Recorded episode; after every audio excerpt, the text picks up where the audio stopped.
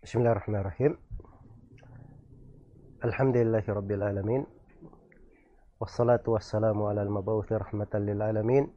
Nabiina Muhammad wa ala alihi wa sahbihi wa man tabi'ahum bi ihsanin ila yaumiddin amma ba'd.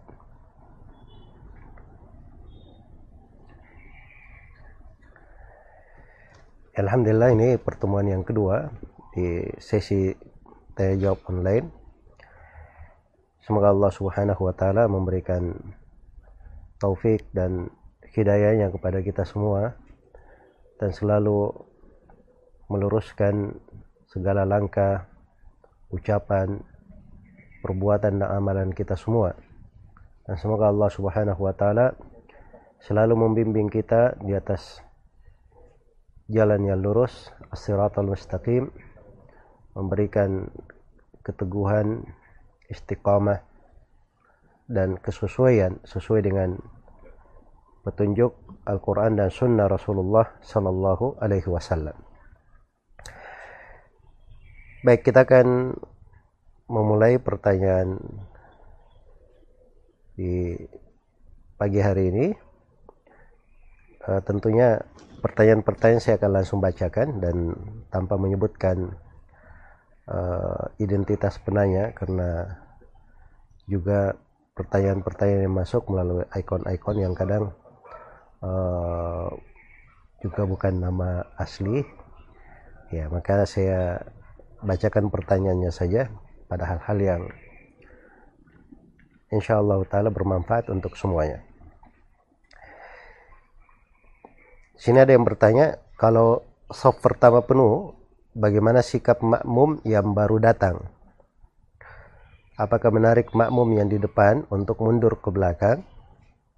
Atau makmum menunggu makmum yang baru?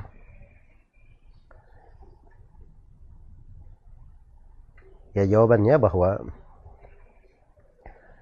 apabila soft di depan sudah penuh, maka dia membuat soft baru di belakang. Ya, sisa soft baru ini apabila terlihat misalnya ada orang-orang yang baru datang, maka dia menunggu sebentar itu nggak ada masalah insya Allah taala. Kecuali kalau dia khawatir uh, luput ruku sehingga ketinggalan satu rakaat, maka tidak ada masalah dia mulai sholat takbiratul ihram walaupun dia cuma sendiri di belakang saf itu tidak berbahaya karena hadith la khalat la salata liman shalla khalfas saffi munfaridan. Tidak ada salat bagi orang yang salat di belakang saf sendirian itu terkait dengan orang yang sengaja membuat saf sendiri padahal masih ada saf di depan yang kosong. Iya. Semoga Allah subhanahu wa ta'ala memberi taufik kepada semuanya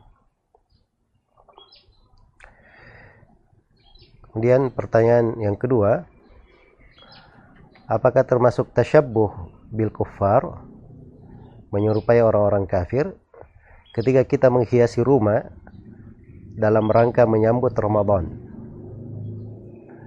Karena salaf tidak pernah melakukannya.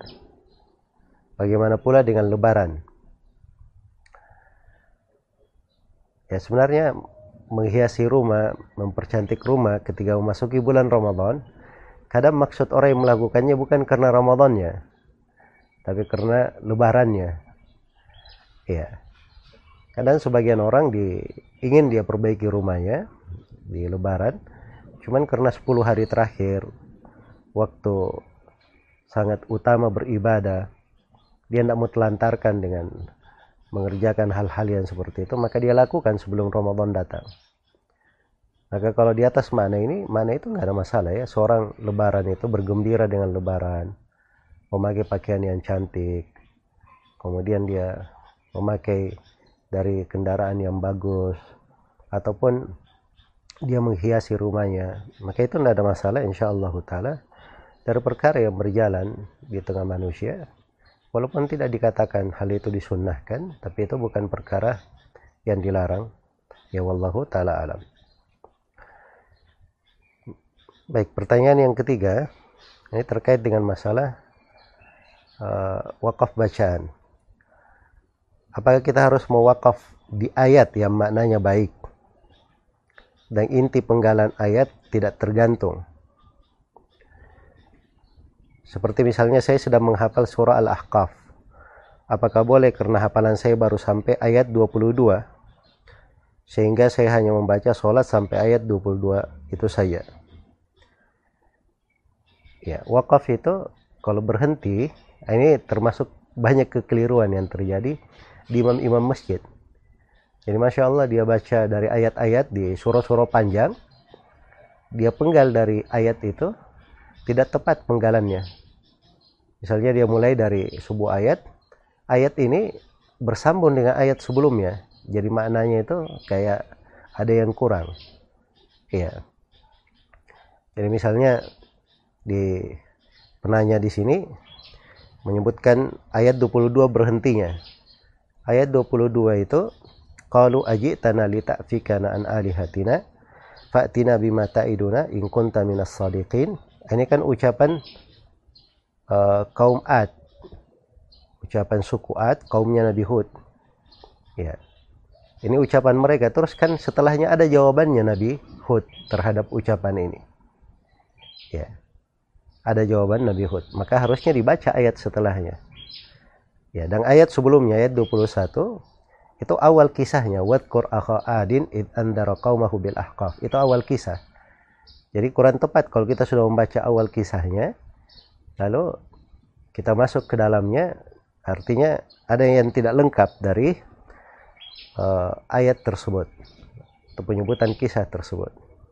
Ya karena karena itu kalau seperti ini posisinya dia berhenti di ayat ke-20 saya dia berhenti di ayat 20 sebab di ayat 20 itu tepat nanti uh, maknanya masih bersambung dengan ayat sebelumnya. Jadi intinya bahwa wakaf seorang itu bukan terkait dengan berhenti di satu ayat penuhnya. Tapi harus dilihat ayat itu apa kaitannya dengan ayat sebelumnya dan ayat setelahnya. Nah, kalau kesesuaiannya pas, dia berhenti, maka itu tidak ada masalah, insya Allah Ta'ala.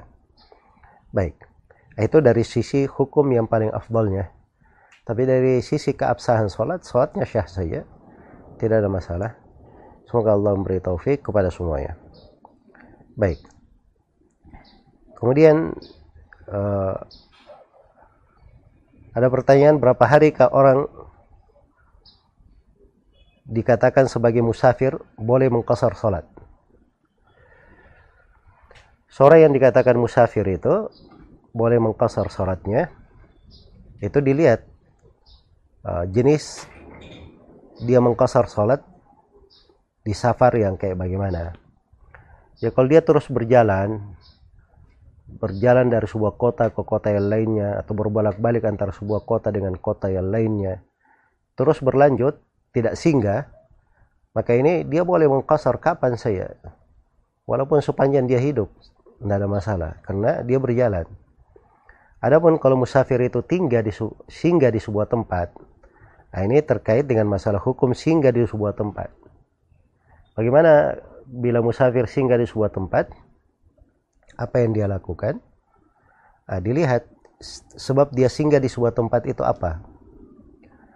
Kalau dia singgah di sebuah tempat itu dengan suatu tujuan yang belum tahu kapan selesainya, maka ini boleh dia menjamak dan mengkasar, iya, sesuai dengan apa yang dia perlukan. Karena para sahabat pernah di dalam suatu peperangan, mereka terjebak oleh salju. Akhirnya menunggu salju itu cair supaya bisa lewat. Akhirnya mereka berbulan-bulan menjamak dan mengkasar sholat di situ. Ya.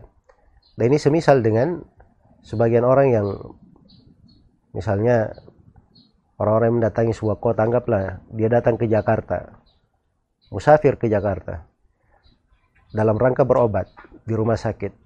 Dia tidak tahu, belum jelas kapan selesainya berobatnya, kapan selesainya. Maka di sini boleh dia menjamak dan mengkosor.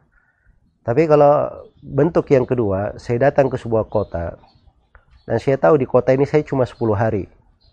Atau saya di kota ini cuma uh, dua pekan misalnya. Seperti kebanyakan kawan-kawan yang tugas kerja misalnya dia datang ke sebuah tempat dia sudah tahu berapa lama dia di tempat itu.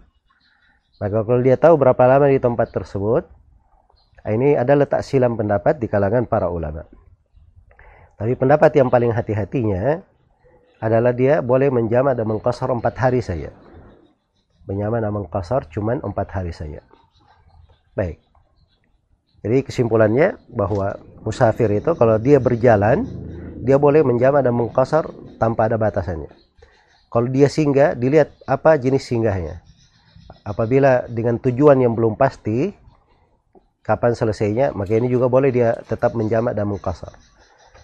Yang ketiga, kalau dia misalnya singgah dalam jumlah hari yang sudah dimaklumi, maka dia paling banyak mengkosornya cuma empat hari saja menurut pendapat yang paling hati-hati di dalam masalah ini. Semoga Allah memberi taufik kepada semuanya. Baik, pertanyaan berikutnya. Apa hukumnya perempuan sholat Jumat? Jika hadir sholat Jumat, apakah sholat duhur lagi? Ya, jawabannya bahwa perempuan itu apabila hadir sholat Jumat, tidak dilarang ya. Dan sholatnya syah apabila dia hadir sholat Jumat. Dan sama dengan laki-laki, kalau dia hadir sholat Jumat, maka tidak ada sholat duhur lagi. Karena Jumat itu pengganti dari sholat sholat duhur. Iya. Hanya saja ini kondisi berlaku apabila masjid itu ada tempat khusus bagi perempuan. Ya, misalnya umumnya ya di Masjid Nabawi itu itu ada tempat khusus perempuan. Jadi perempuan juga di hari Jumat bisa hadir sholat Jumat maka itu tidak ada masalah insya Allah taala.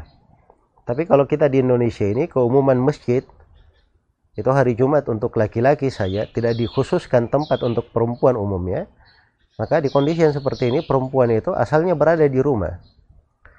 Ya di sholat lima waktu saja lebih afdolnya di rumah apalagi di sholat Jumat yang tempat keramaian manusia berkumpul orang-orang ya kalau ada perempuan di situ berdesak-desakan dengan laki-laki itu adalah hal yang tidak layak Cuma di sini perlu saya ingatkan satu hal yang sering terjadi kekeliruan pada sebagian kaum muslimin. Kadang kita melihat pada sebagian kaum muslimin, kalau sudah selesai sholat Jumat, mereka berdiri lagi melakukan sholat duhur.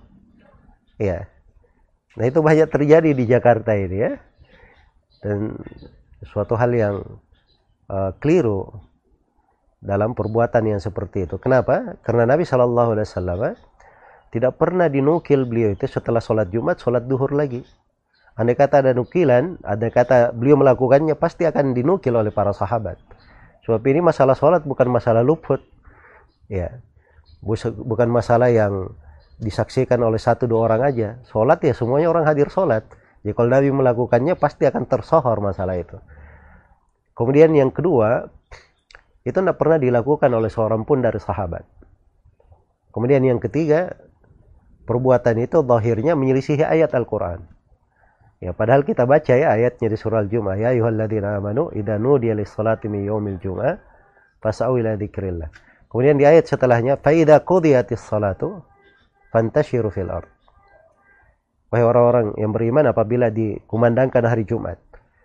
Ya, terkait dengan bagaimana kalau hari Jumat itu datang. Di ayat setelahnya apabila Jumat sudah selesai, maka bertebaranlah di atas muka bumi Ya tidak dikatakan apabila Jumat sudah selesai, lakukan sholat duhur lagi. Ya tidak ada penyebutan seperti itu di dalam ayat. Maka semoga Allah Subhanahu wa taala memberi taufik kepada semuanya wallahu taala alam. Baik.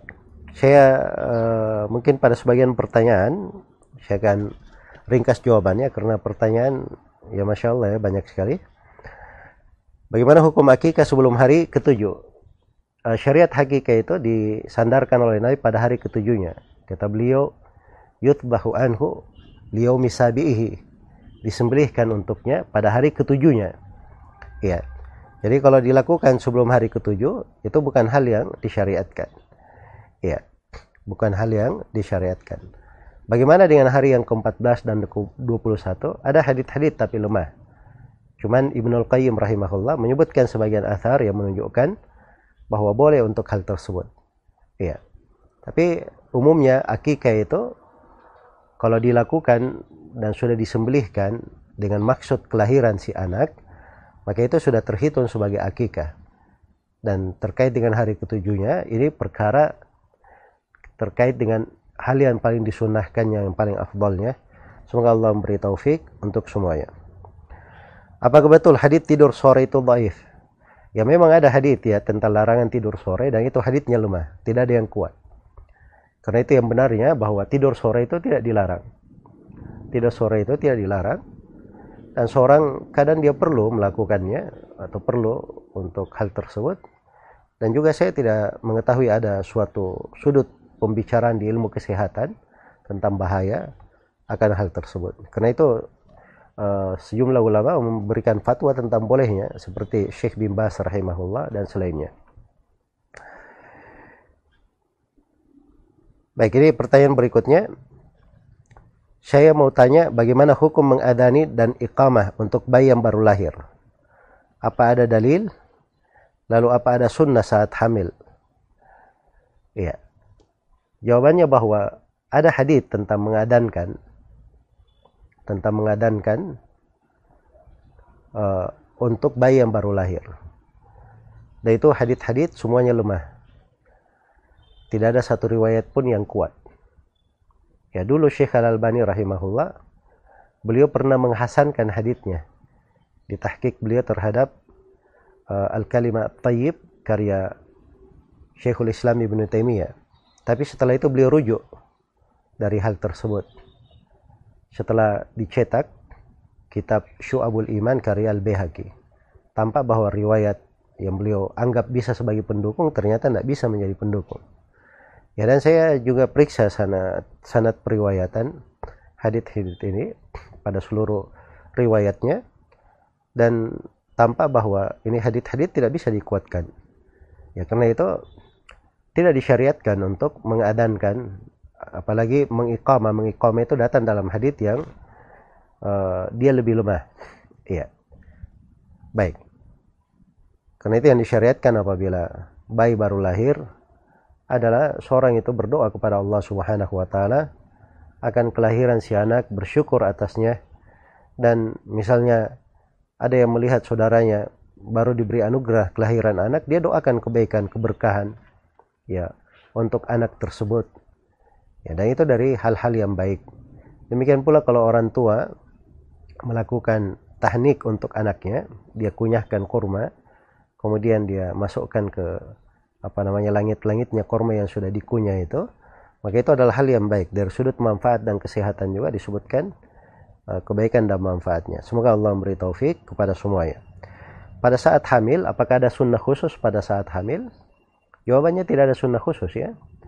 Tapi Maryam ketika uh, sedang hamil itu berdoa dengan doa yang baik kepada Allah Subhanahu wa taala.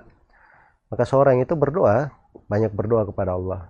Demikian pula seorang ibu hamil dia banyak baca banyak membaca Al-Qur'an, banyak berzikir, banyak melakukan ketaatan-ketaatan. Ya semoga Allah Subhanahu wa taala menganugerahkan kepadanya seorang anak yang saleh. Baik.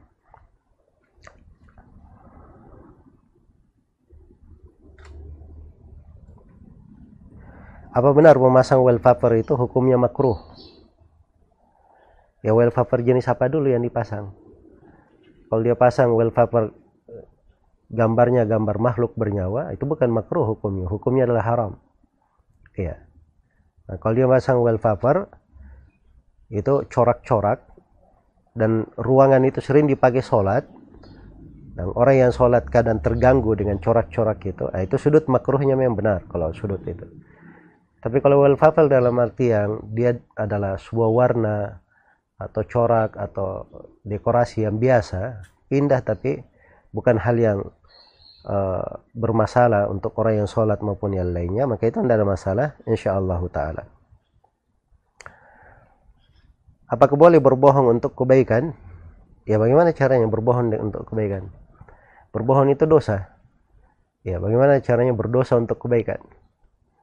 Ya berdosa untuk kebaikan. Nanti dipakai di semua tempat. Kalau begitu boleh mencuri untuk kebaikan. Dan boleh apa namanya melakukan hal-hal yang keji mungkin bisa dia lakukan dengan dengan maksud untuk berbuat kebaikan. Itu adalah hal yang tidak benar ya. Memang ada sebagian riwayat tentang seorang suami kadang berucap yang samar kepada istrinya. Maksudnya tidak benar tapi untuk mengislah. Ya. Nah itu di pendapat sebagian dari ulama rahimahumullah taala. Ya. Dan sebagian ulama yang lain menganggap bahwa itu tidak dibolehkan sama sekali. Ya. Dan ini ada keluasannya di dalam masalah karena maksudnya adalah as-suluh maka memang ada tiga yang diperkecualikan. Pada saat perang kemudian mendamaikan antara dua orang yang bertikai, kemudian pembicaraan seorang suami kepada istrinya. Semoga Allah memberi taufik kepada semuanya.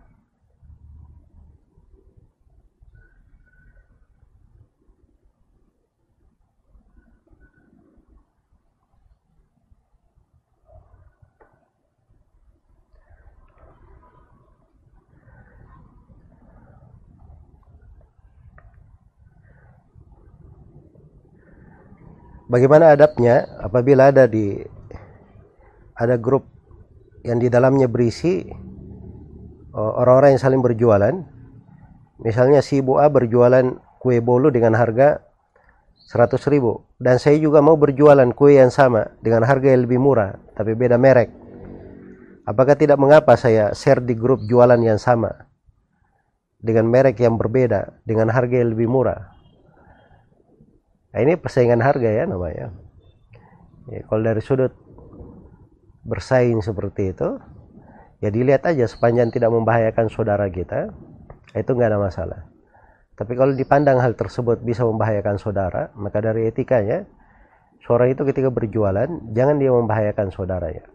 Iya, itu aja yang dia perhatikan. Semoga Allah memberi taufik kepada semuanya.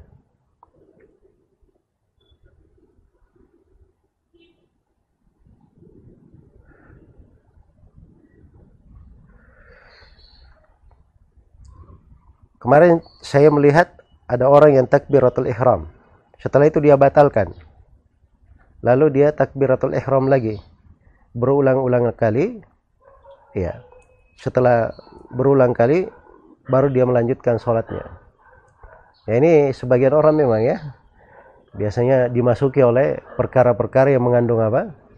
Mengandung syubhat-syubhat dan mengandung ajaran-ajaran tarekat biasanya. Jadi mereka itu mengatakan kalau sholat itu dihadirkan niatnya pada saat takbir itu. Jadi kalau dia sudah takbir Allah, dia merasa belum hadir, dia batal lagi. Dia tarik nafas dulu menghadirkan Allah. Nah, begitu dia sudah hadir betul Allahu Akbar baru dia lepas. Ya. Nah ini subhanallah memberatkan dalam agama orang-orang yang seperti ini. Dan itu tidak ada dalam tuntunan Nabi seperti itu. Iya. Agama ini dimudahkan.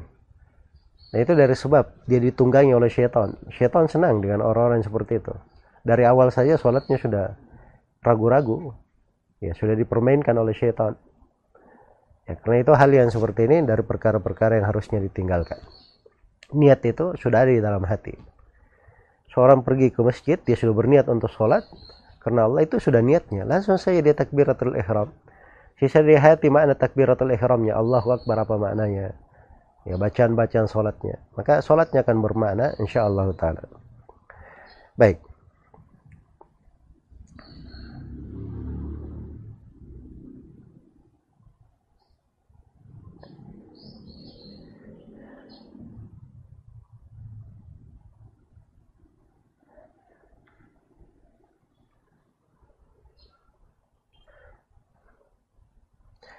tentang zakat fitri. Apa ada ijab kabul atau tidak? Ya zakat fitri itu tidak perlu ada ijab kabul ya. Ini bukan urusan berdagang. Ijab kabul itu didagang tapi kalau zakat dia keluarkan kepada mustahik itu sudah cukup. Iya. Dia sudah cukup. Dia serahkan kepada mustahik. Orang yang berhak menerima. Walaupun dia tidak katakan itu zakat fitri tidak apa-apa juga. Iya tidak ada masalah. Yang penting dia lihat orang itu berhak untuk menerimanya. Berhak untuk menerimanya. Karena itu tidak ada di dalam sunnah Nabi itu. Sallallahu Alaihi Wasallam dia katakan saya terima saya serahkan zakat ini. Ya lalu si penerima berkata saya terima zakatnya. Ya. Nah, ini bukan urusan jual beli bukan urusan pernikahan ya. Semoga Allah memberi taufik kepada semuanya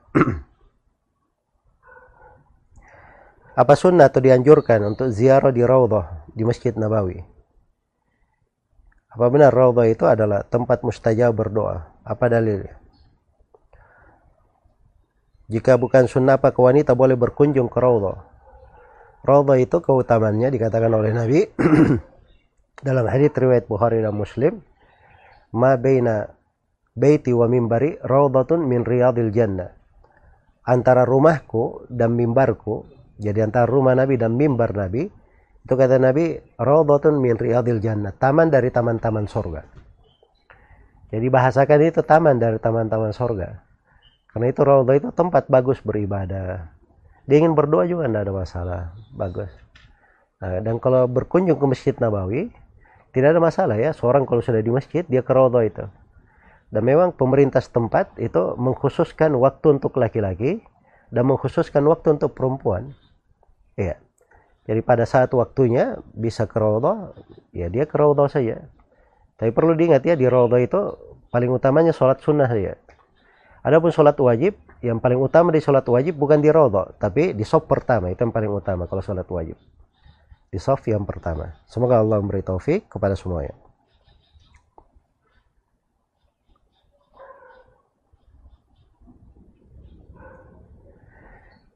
Keluarga memilihkan saya seorang perempuan dijodohkan dengan saya. Namun saya tidak suka dengan perempuan ini.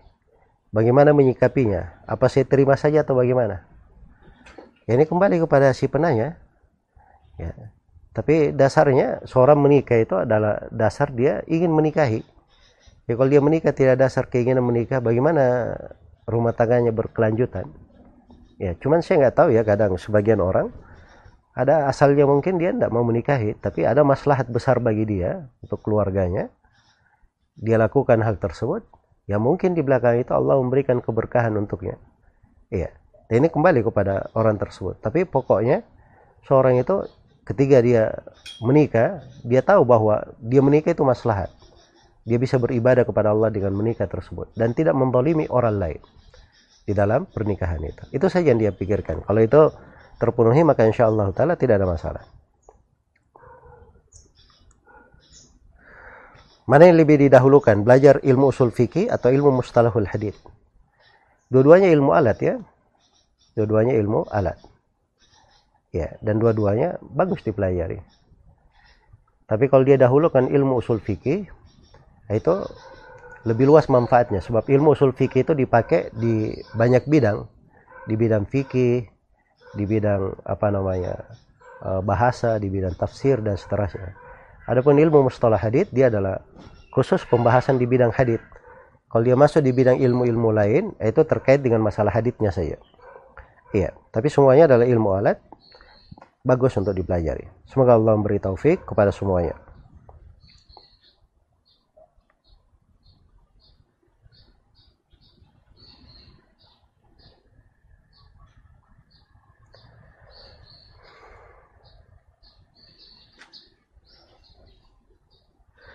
Apakah menjalin hubungan dengan suami atau keluarga suami termasuk silaturahmi?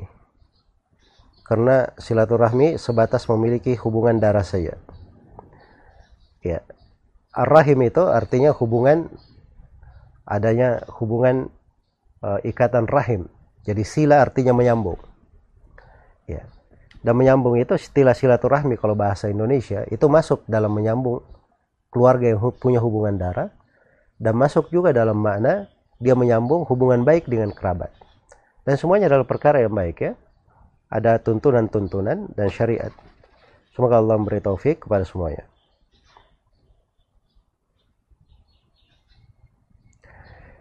Bagaimana hukumnya jika saya sering minum kopi bareng satu gelas dengan orang non muslim? Ya tidak ada masalah ya di dalam hal tersebut. Ya sebab orang meminum itu tidak ada kaitannya dengan masalah najis ya. Ya. Jadi kalau dia minum misalnya dari satu gelas, gelasnya dipakai juga oleh non muslim, maka itu tidak ada masalah. tapi kalau misalnya non muslim yang memiliki gelas dia pakai maka itu harus dipastikan bukan gelas bekas minum khamar misalnya atau minuman yang mengandung najis iya semoga Allah memberi taufik kepada semuanya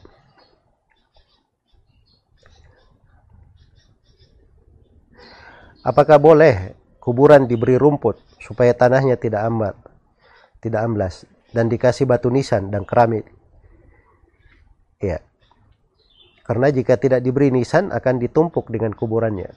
Kalau nisan itu nisan itu tidak mesti ya dia bikin nisan dari nisan yang dimaklumi. Jadi bisa dia beri batu besar di kepala dan di kaki supaya tanda bahwa ini adalah kuburan. Dan di sekitarnya boleh diberi batu-batu supaya tanahnya tidak amblas. Kemudian di atas tanah boleh dia beri kerikil-kerikil dihamburkan. Tapi kalau diberi rumput hijau, itu namanya penghijauan. Tidak ada makna kuburan nanti. Nanti orang senangnya tidur di atas kuburan. Jadi subhanallah kalau kita lihat masuk ke kuburan yang dihijaukan itu, itu seakan-akan kita tidak di kuburan. Kayak di kompleks perumahan. Dan tidak masuk di situ makna seseorang mengambil renungan dalam kehidupan akhirat. Ya mana sebagian orang subhanallah di bulan Ramadan kuburan jadi tempat judi. Ya gara-gara itu tempat yang paling aman untuk mereka di dalam hal itu. Tenang, tidak ada alasnya juga bagus ya dan seterusnya maka ini tidak cocok ya hal-hal yang seperti ini semoga Allah subhanahu wa ta'ala memberi taufik kepada semuanya baik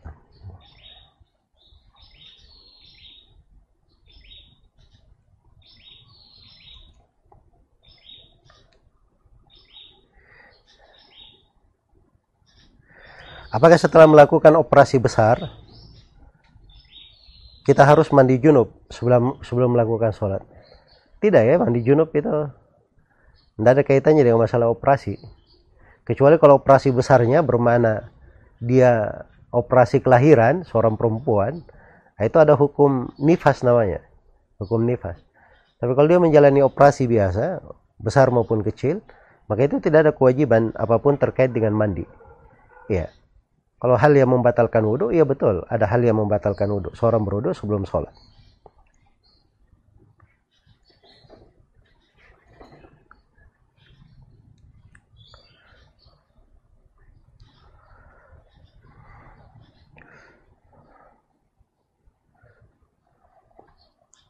Bagaimana hukumnya uang sedekah, infak, zakat, dan wakaf diproduktifkan atau diinvestasi?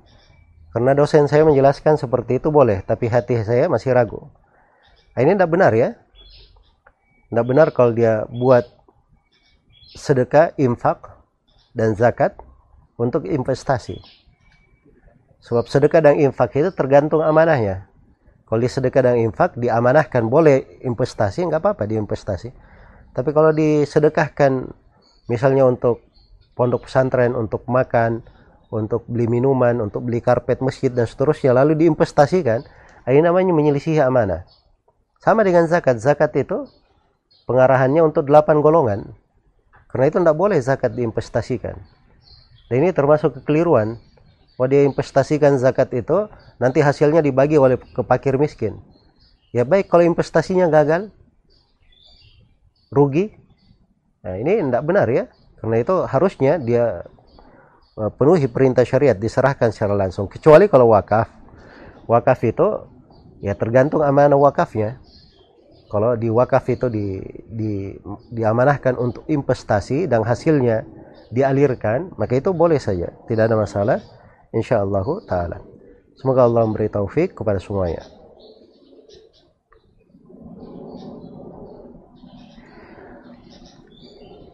Apabila membuang ari-ari bayi ke tempat sampah dengan tujuan mendakwai keluarga yang masih percaya itu akan membahayakan bayi, apakah sikap dakwah seperti ini sudah tepat? Jadi ya nggak usah ribut-ribut ya sama orang.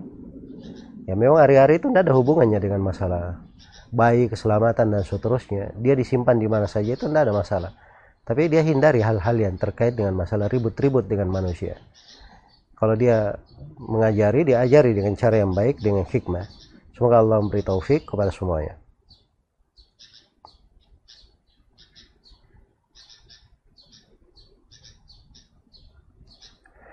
Bolehkah menjamak sholat seorang akhwat yang sedang melangsungkan pernikahan dengan alasan menerima tamu?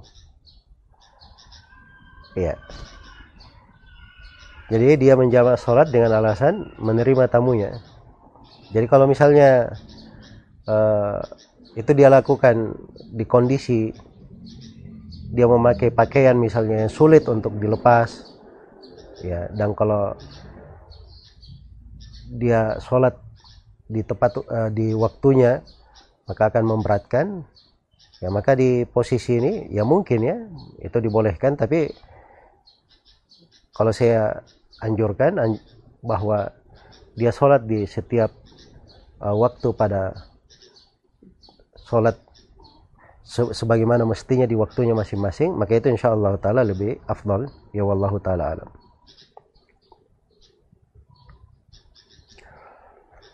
Apakah dalam sholat jamaah, apakah dalam sholat jamaah harus komat terlebih dahulu atau bisa dilakukan?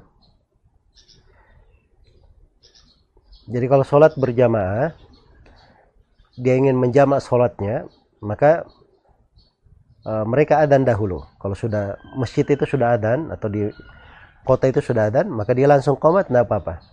Komat untuk sholat yang pertama dia jamak. Begitu mau jamak lagi, dia sambung. Uh, dia jamak sholatnya dengan sholat berikutnya maka disyariatkan untuk komat lagi disyariatkan untuk komat lagi Bagaimana hukum menabung di bank konvensional? Tergantung maksudnya untuk hal itu. Kalau niatnya bukan menabung, niatnya adalah untuk transfer memudahkan dia dalam transaksi, maka tidak ada masalah untuk hal tersebut sepanjang dia tidak mengambil riba.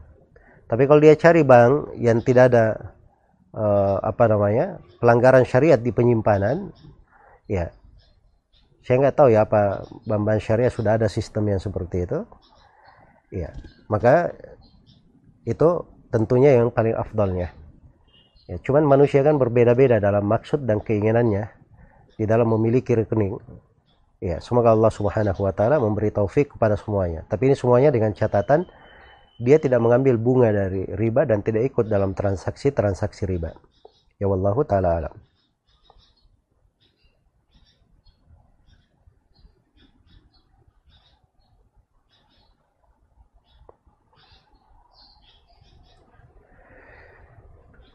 Bagaimana hukumnya orang tua yang tidak sholat sebab susah kencing sehingga dipasangi selang pembuangan ke kemaluannya sehingga orang tua merasa tidak suci kalau kalau mau sholat.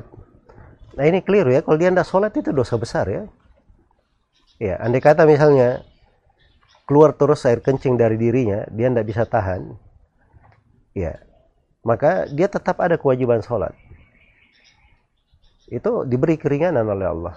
Allah berfirman, La yukallifullahu nafsan illa usaha.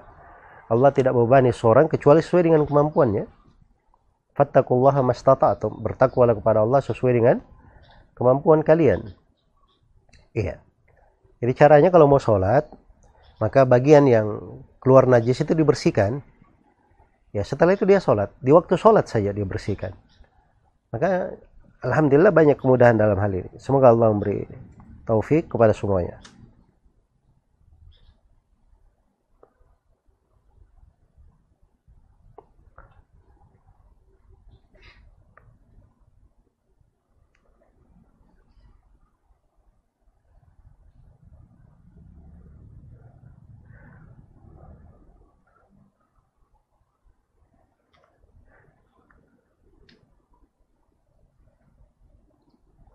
Apabila imam sholat meninggal dunia, apa yang harus dilakukan? Apakah sholat berjamaah batal? Ya, kalau misalnya imam sholatnya uh, terjadi kecelakaan atau dia meninggal, maka ada sebagian dari jamaah yang menolongnya. Ya, misalnya, maka itu tidak ada masalah. Tapi yang lain itu tidak batal sholatnya. Harusnya dia majukan satu orang sebagai imam untuk melanjutkan sholat, untuk melanjutkan sholat mereka. Ya demikian caranya, semoga Allah memberi taufik kepada semuanya.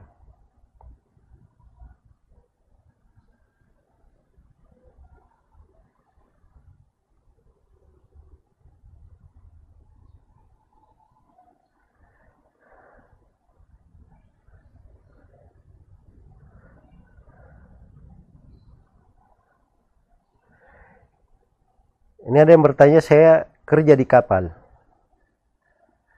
Bagaimana cara sholatnya yang benar? Karena saya ketika berlayar saya kosor sholat. Tapi ada teman saya menegur. Katanya kita sudah tinggal di kapal, makanya sholatnya tidak dikosor lagi. Nah jawabannya ini nggak benar ya. Ya kalau dia naik kapal itu perjalanan musafir namanya. Ya, kalau musafir dia boleh mengkosor sholat. Boleh menjamak dan mengkosor sholat. Itu dikatakan ting orang yang tinggal di kapal itu ada istilah namanya orang rumah kapal. Ya. Jadi memang keluarganya semuanya di kapal. Hidupnya memang di kapal rumahnya memang di kapal. Nah ini orang yang seperti ini dia berpindah-pindah ke mana saja memang itu rumahnya. Tidak dianggap musafir dia dengan hal itu. Nah, itu sudah benar. Tapi kalau dia seorang dia tinggal di sebuah negeri dia melakukan perjalanan berlayar dengan sebuah kapal nah, itu musafir namanya. Boleh dia menjamak dan boleh dia mengkosor. Semoga Allah memberi taufik kepada semuanya.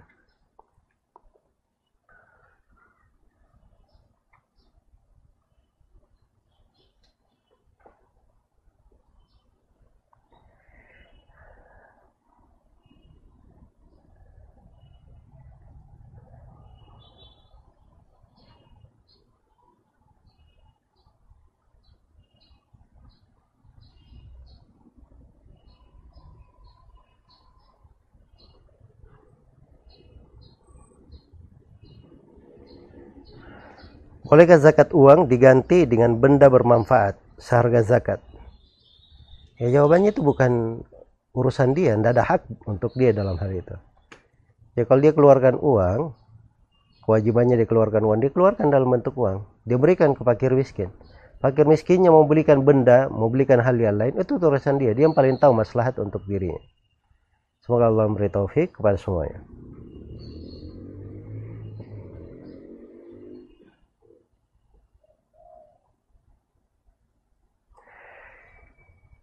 Ini ada yang bertanya bapak saya dua tahun yang lalu uh, jatuh dan patah kakinya.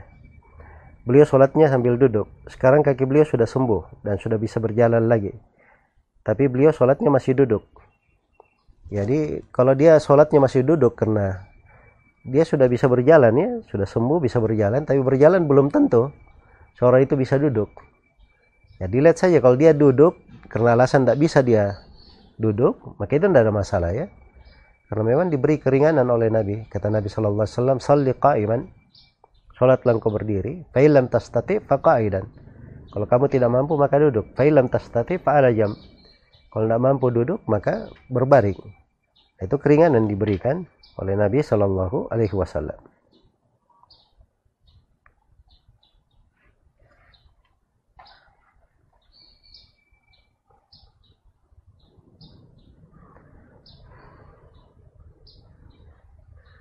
Bagaimana hukum memakai minyak rambut saat wudhu?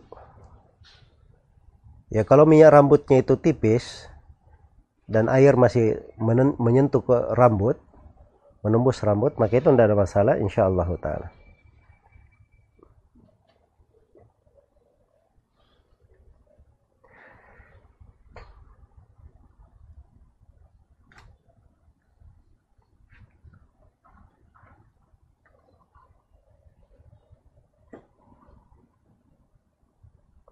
Apa hukum sholat dengan menggunakan baju yang terkena darah?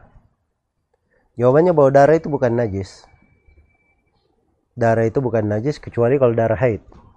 Itu barulah najis. Adapun darah yang lainnya itu bukan najis. Ya kalau dia sholat ada darah di bajunya, maka sholatnya syah. Tidak ada masalah. Wallahu ta'ala alam.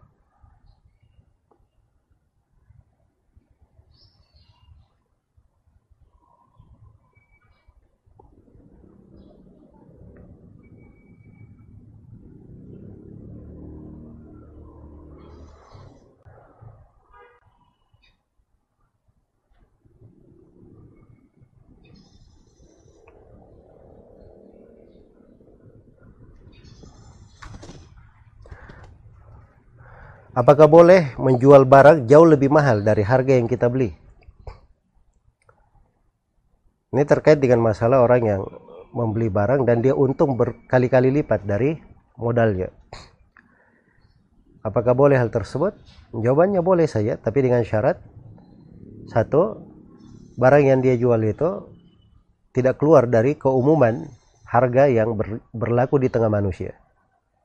Terus yang kedua, tidak ada bentuk penipuan di dalam hal itu. Terus yang ketiga, tidak ada membahayakan orang lain. Tidak membahayakan orang lain. Ya, jadi kalau itu terpenuhi tidak ada masalah insya Allah taala.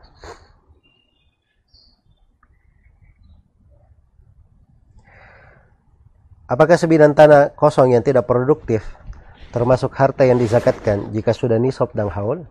Enggak, tanah yang tidak produktif, tanah yang ditempati, rumah yang ditempati, kendaraan yang dipakai, itu semuanya tidak ada zakatnya. Berdasarkan hadits Abu Hurairah, riwayat Bukhari dan Muslim.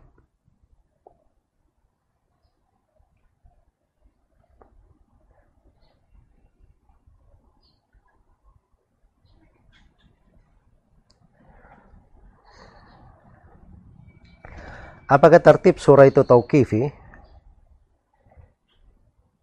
Ya. Betul, tertib surah itu tauqifi ya.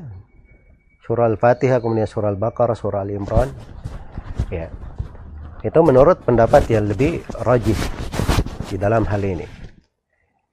Ya, karena Nabi Shallallahu Alaihi Wasallam mentertibnya dan itu yang berjalan di tengah para sahabatnya. Tapi kalau dia bertanya di dalam sholat apakah harus ikut tertib itu? Ya, jawabannya afdolnya memang seperti itu. Tapi kalau kadang-kadang dia tidak urutkan, kadang-kadang tidak dia urutkan, itu tidak ada masalah ya karena ada sebagian riwayat Nabi Shallallahu Alaihi Wasallam pernah apa namanya uh, tidak berurut dalam membaca surah. Tapi kalau dia tertibkan itu lebih bagus ya. Kalau dia tertibkan itu lebih bagus. Wallahu taala alam.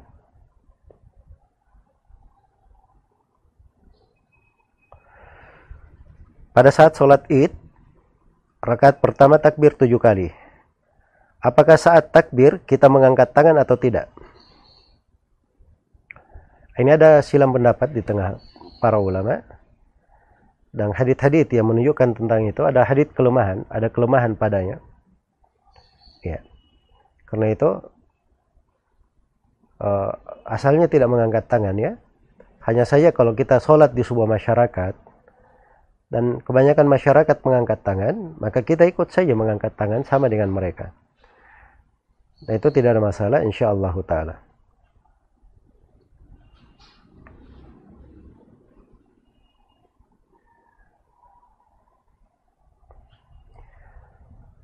Saya sudah menghajar istri lima bulan, namun tidak ada etikat baik dari istri kepada suami. Dan istri mengatakan mau pisah dan saya persilahkan dia urus. Apa yang saya lakukan yang diperbolehkan? Ya kalau dari sudut boleh boleh saja ya. Dari sudut boleh boleh saja. Ya. Nah, memang hal-hal yang terkait dengan masalah rumah tangga, kadang ada sudut yang perlu diselesaikan antara dua belah pihak. Kadang ada sudut diselesaikan bersama bersama kerabat dan keluarga. Kadang ada sudut perlu diselesaikan di depan pengadilan atau orang-orang yang bisa menasihati. Semoga Allah memberi taufik kepada semuanya.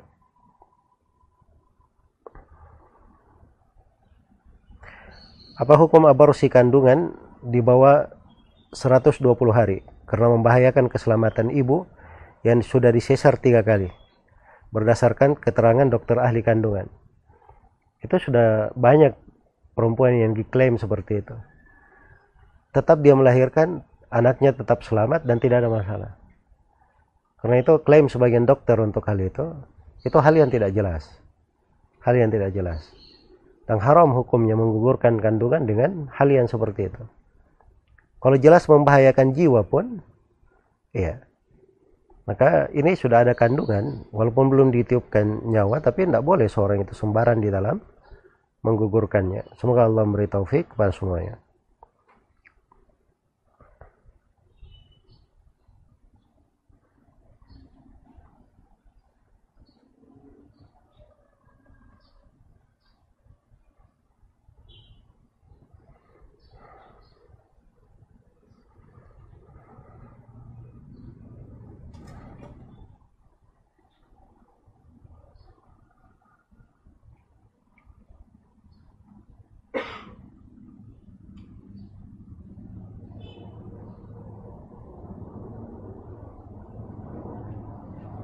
Bagaimana jika orang tua kita lupa? Apakah anaknya sudah akik atau belum? Dan anaknya sudah dewasa? Ya kalau orang tuanya lupa di dalam hal tersebut, si anak boleh saja kalau ingin akikah dirinya, boleh diakikahkan. Tidak ada masalah. InsyaAllah ta'ala.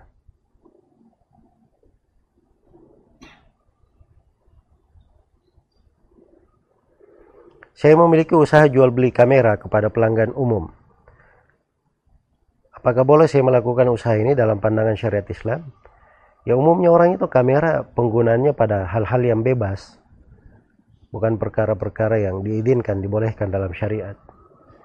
Karena itu saya tidak melihat ya jenis dari jual belian seperti ini cocok untuk seorang muslim dan muslimah. Ini mungkin dari syubhat-syubhat hal-hal yang sebaiknya ditinggalkan. Semoga Allah memberi taufik kepada semuanya.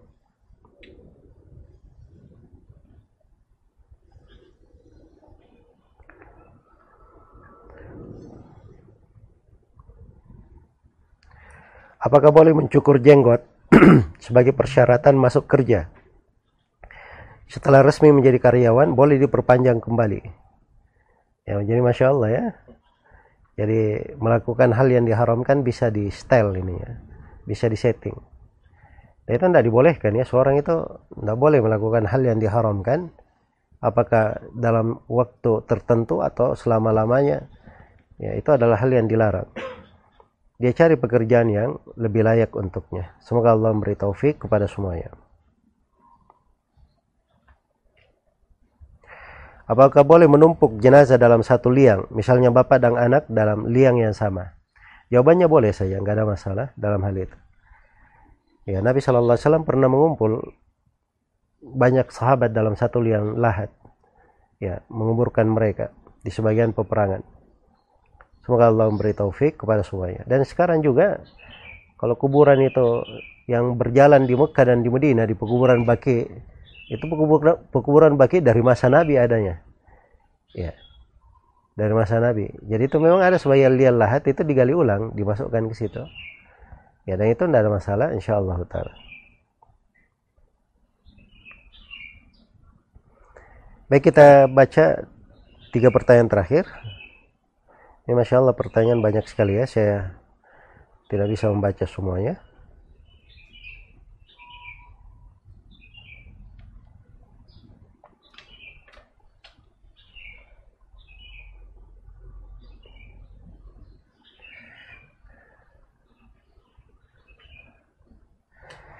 Ini ada yang bertanya dia beliau tinggal di sebuah kota dan mengikuti kajian sunnah, namun orang tuanya di kampung memerlukannya untuk bekerja membantu orang tuanya. Mana yang harus diutamakan? Jawabannya kalau orang tua di kampung ada yang menemaninya, ya ada yang menemaninya, sedangkan dia di kota dia perlu belajar, maka afdalnya dia belajar Apalagi kalau yang dia pelajari ilmu-ilmu yang terkait dengan kewajibannya. Bagaimana mentauhidkan Allah, menjauhi kesyirikan. Terus bagaimana dia menjawab pertanyaan malaikat di alam kubur. Tentang mana la ilaha illallah supaya dia ber, bisa bersyahadat. Ketika sakaratul maut datang. Itu ilmu yang wajib dipelajari. Itu harus lebih didahulukan. Kecuali kalau yang dia pelajari ilmu yang sunnah.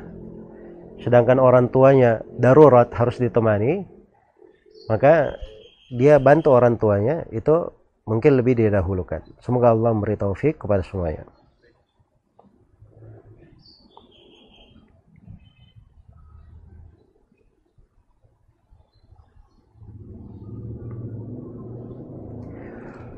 Ada teman menikah dengan menikah dan menjadi istri kedua padahal dia PNS. Ada Undang-Undang Nomor 90 Tahun 2010 melarang PNS untuk menjadi istri kedua dan ketiga dan seterusnya.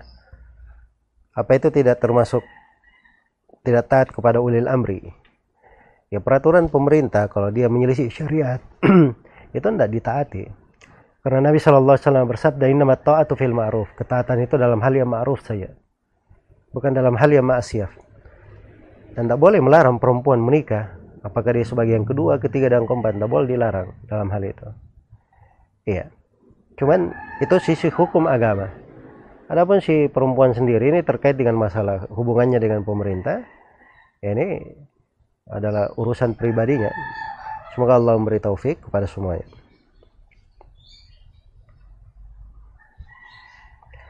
Baik pertanyaan yang terakhir apabila ingin mendapatkan fadilah membaca Al-Quran seperti Al-Kahfi di hari Jumat atau Al-Mulk sebelum tidur apakah harus full satu surah atau bisa beberapa ayat?